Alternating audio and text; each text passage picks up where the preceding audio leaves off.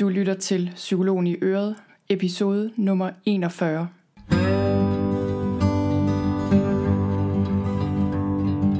Velkommen til Psykologen i Øret. Jeg er psykologen Birgitte Sølstein, og Øret det er dit. I denne her podcast vil jeg egentlig bare gerne inspirere dig til et liv med mindre stress og mere af alt det gode. Tak fordi du lytter med.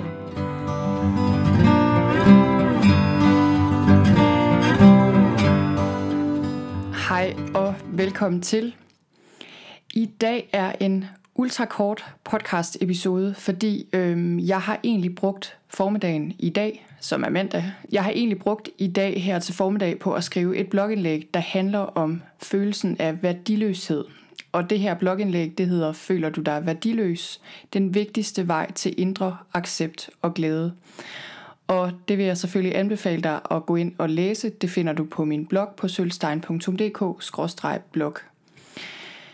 Jeg synes, at det her emne omkring at have en følelse af værdiløshed er super, super vigtigt. Man kan kalde det her meget. Nogle gange taler vi også om det som lavt selvværd eller lav selvfølelse. Uanset hvad, så er det her noget, der fylder for rigtig mange mennesker.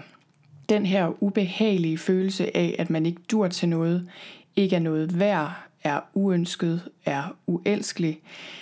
Det er simpelthen så ubehagelig en følelse, og den kan ligesom bare gennemsyre alt, gennemsyre måden, vi ser os selv på, og gennemsyre måden, vi ser verden på, og virkelig påvirke vores relationer til andre mennesker, som jo er så vigtige. Jeg har skrevet det her blogindlæg, fordi jeg vil gerne give et bud på, hvordan man kan arbejde med det her på en måde, så man virkelig øh, hiver det op med roden, vil jeg sige. Der er helt sikkert mange måder at arbejde med ubehagelige følelser på, og der er helt sikkert mange måder at arbejde med lavt selvværd og den her følelse af ikke at du til noget, den her følelse af værdiløshed. Men øh, nogle gange, så tror jeg desværre, at de metoder, vi bruger, de er lidt for overfladiske. For eksempel så er der jo det her med at tænke positive tanker, altså det vil sige, hvis du støder på en tanke ind i dig selv, der er negativ og handler om dig selv, jeg duer ikke til noget, jeg kan ikke noget, andre folk kan ikke lide mig, osv. osv., så er det selvfølgelig oplagt at erstatte den med en mere positiv tanke. Det er det, vi kalder omstrukturering i sådan en klassisk kognitiv terapi. Og det har helt sikkert også sin plads. Det er ikke fordi, jeg er imod positiv tænkning. Tværtimod, jeg er kæmpe stor tilhænger af at arbejde med indholdet af vores tanker og ændre dem i den gode retning. Men når det kommer til stærke og dybe følelser, som for eksempel angst eller den her følelse af værdiløshed, så er det bare ikke altid, det har en særlig stor effekt at tænke andre tanker, fordi følelsen allerede har fået så stort momentum, at det bare ikke rigtig nytter noget. Og man kan sige, det er rigtig vigtigt at bruge positive tanker, men det er også rigtig vigtigt at bruge dem på den rigtige måde. Nogle gange bruger vi positive tanker, fordi vi ligesom prøver at komme væk fra ubehagelige følelser. Og nogle gange bruger vi dem, fordi vi ligesom prøver at lave os selv om, fordi vi ikke vil se i øjnene, at vi også kan blive vrede eller rasende, eller have hævntørst, eller være jaloux, øh, eller være fordømmende, eller hvad det nu er. Og så prøver vi ligesom at skubbe de her negative tanker væk, og erstatte dem med nogle positive, fordi vi simpelthen ikke kan acceptere om os selv, at vi også er hele mennesker, der engang imellem har rigtig grimme tanker og følelser. I det blogindlæg, jeg har skrevet, der øh, skriver jeg lidt om selve den her følelse af værdiløshed. Og man kan sige, hver ting til sin tid. Igen, der er helt sikkert tider, hvor det er en rigtig god idé at prøve at få noget positiv tænkning ind over. Men øh, et af mine yndlingscitater vil jeg nævne her, som siger noget om, hvordan vi egentlig kan arbejde med de her negative tanker, mørke og svære følelsesmæssige tilstande, og det citat det kommer fra Carl Gustav Jung, som var en østrisk psykiater og psykoanalytiker. Og han skrev et sted, One does not become enlightened by imagining figures of light, but by making the darkness conscious. Det Carl Jung han mente her, det var, at i stedet for at ligesom flygte fra vores mørke sider, så er det rigtig, rigtig vigtigt at kunne se dem i øjnene og ligesom acceptere, at vi indeholder det hele. Og paradoxalt nok, så er det min erfaring, at det klart er den bedste, men også ligesom mest holdbare vej frem, hvis vi gerne vil af med angst og følelser af lavt selvværd, værdiløshed, depression, hvad det nu er. Altså simpelthen det her med at gøre plads til det og faktisk acceptere, at det er der og at det er en del af os, det har på en eller anden måde den effekt, at, at det bliver mindre, og at det bliver mindre farligt og fylder mindre i vores bevidsthed og i vores liv. Så for at vende tilbage til den her ubehagelige følelse af værdiløshed, som jeg skriver om i dag, så vil jeg sige, at jeg har også selv oplevet følelsen af værdiløshed i mit eget liv. Det har jeg mange gange, og en gang imellem har den været virkelig pinefuld og meget stærk, synes jeg. Og øh, jeg har set det hos mange andre mennesker, hos de klienter, jeg har mødt, mennesker, jeg kender, møder i mit eget liv. Nogle mennesker giver udtryk for den og er bevidst om den og kan sætte ord på den, men rigtig mange mennesker udtrykker den også indirekte i deres adfærd eller måde at tale om sig selv på, eller behandle sig selv på, eller behandle andre mennesker på. Når jeg kigger på mit eget liv, øhm, så er det tit noget med, at jeg måske føler mig værdiløs på et eller andet specifikt område.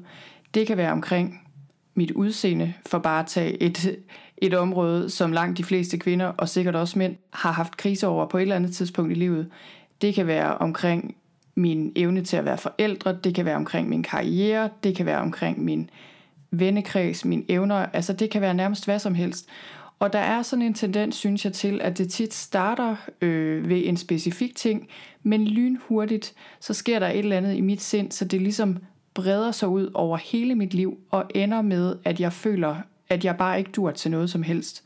Og øh, når jeg kan sidde her og tale om den her ubehagelige følelse af værdiløshed, som vidderligt kan være rigtig stærk en gang imellem, øh, når jeg kan gøre det her uden de helt store problemer, så er det fordi, jeg ved, at den her følelse ikke bare er min, den er simpelthen så udbredt.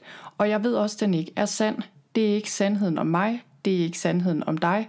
Men den her følelse, den kan altså være meget gennemtrængende, og jeg synes, at det er enormt vigtigt, at man bliver bevidst om den, så man kan gøre noget ved den, så den ikke ligesom påvirker alt for mange områder af dit liv. Så jeg tror ikke, jeg vil sige så frygtelig meget mere om værdiløshed her. Jeg vil simpelthen bare anbefale dig at gå ind på min blog, hvor du kan læse det her blogindlæg. Udover at sige nogle af de ting, som jeg allerede har sagt her, så siger jeg en hel del mere om, hvad det er for en følelse, hvor den kommer fra. Jeg snakker om noget, der hedder The Trance of Unworthiness, som er et begreb, jeg har lånt af en amerikansk psykolog og buddhistisk lærer, der hedder Tara Brach så fortæller jeg også lidt mere om det her med Jung, som jeg allerede har talt om lidt. Og øh, sidst, men ikke mindst, så viser jeg, hvordan man kan arbejde med det her. Og jeg giver også ligesom nogle konkrete metoder, som mange oplever hjælper. Altså et er jo ligesom at sige, jamen det her handler bare om, at jeg skal acceptere mig selv noget bedre. Men noget andet er jo at finde ud af, hvordan man rent faktisk gør. Og det giver jeg også nogle bud på. Og samtidig så giver jeg også nogle bud på nogle sætninger, som er rigtig gode at huske på, og som virkelig kan modvirke den her følelse af værdiløshed. Og det er ikke så meget positive tanker om dig selv det her, som det mere er sådan sætninger eller sandheder, som det kan være rigtig godt at minde dig selv om. Det var alt, hvad jeg havde for i dag. Næste uge på næste tirsdag kommer der en episode mere her på podcasten, og der har jeg svaret på en række spørgsmål. Det er sådan, at jeg jævnligt får spørgsmål og kommentarer fra alle mulige, der læser min blog, øh, lytter til min podcast. Jeg har også skrevet ud til dem, som modtager tirsdagsmailen, som er mit nyhedsbrev, som kommer hver tirsdag. På et tidspunkt har jeg skrevet ud til dem og sagt, at de også er velkommen til at stille mig spørgsmål, og det er der mange, der har gjort. Og øh, i næste podcast episode, der har jeg altså valgt tre spørgsmål ud, som jeg synes var rigtig gode, blandt andet fordi jeg synes, de er sådan meget repræsentative for det mange af os sidder i, og mange stiller mig spørgsmål, der sådan er variationer af de her spørgsmål, så det kommer jeg altså til at svare på næste gang. Næste gang igen kan jeg også allerede afsløre nu, der kommer et interview med en forfatter, og den episode den kommer til at handle om tro og stress, og den glæder jeg mig også rigtig meget til at dele med dig. Ha' det godt, indtil vi høres ved igen, og tak fordi du lyttede med.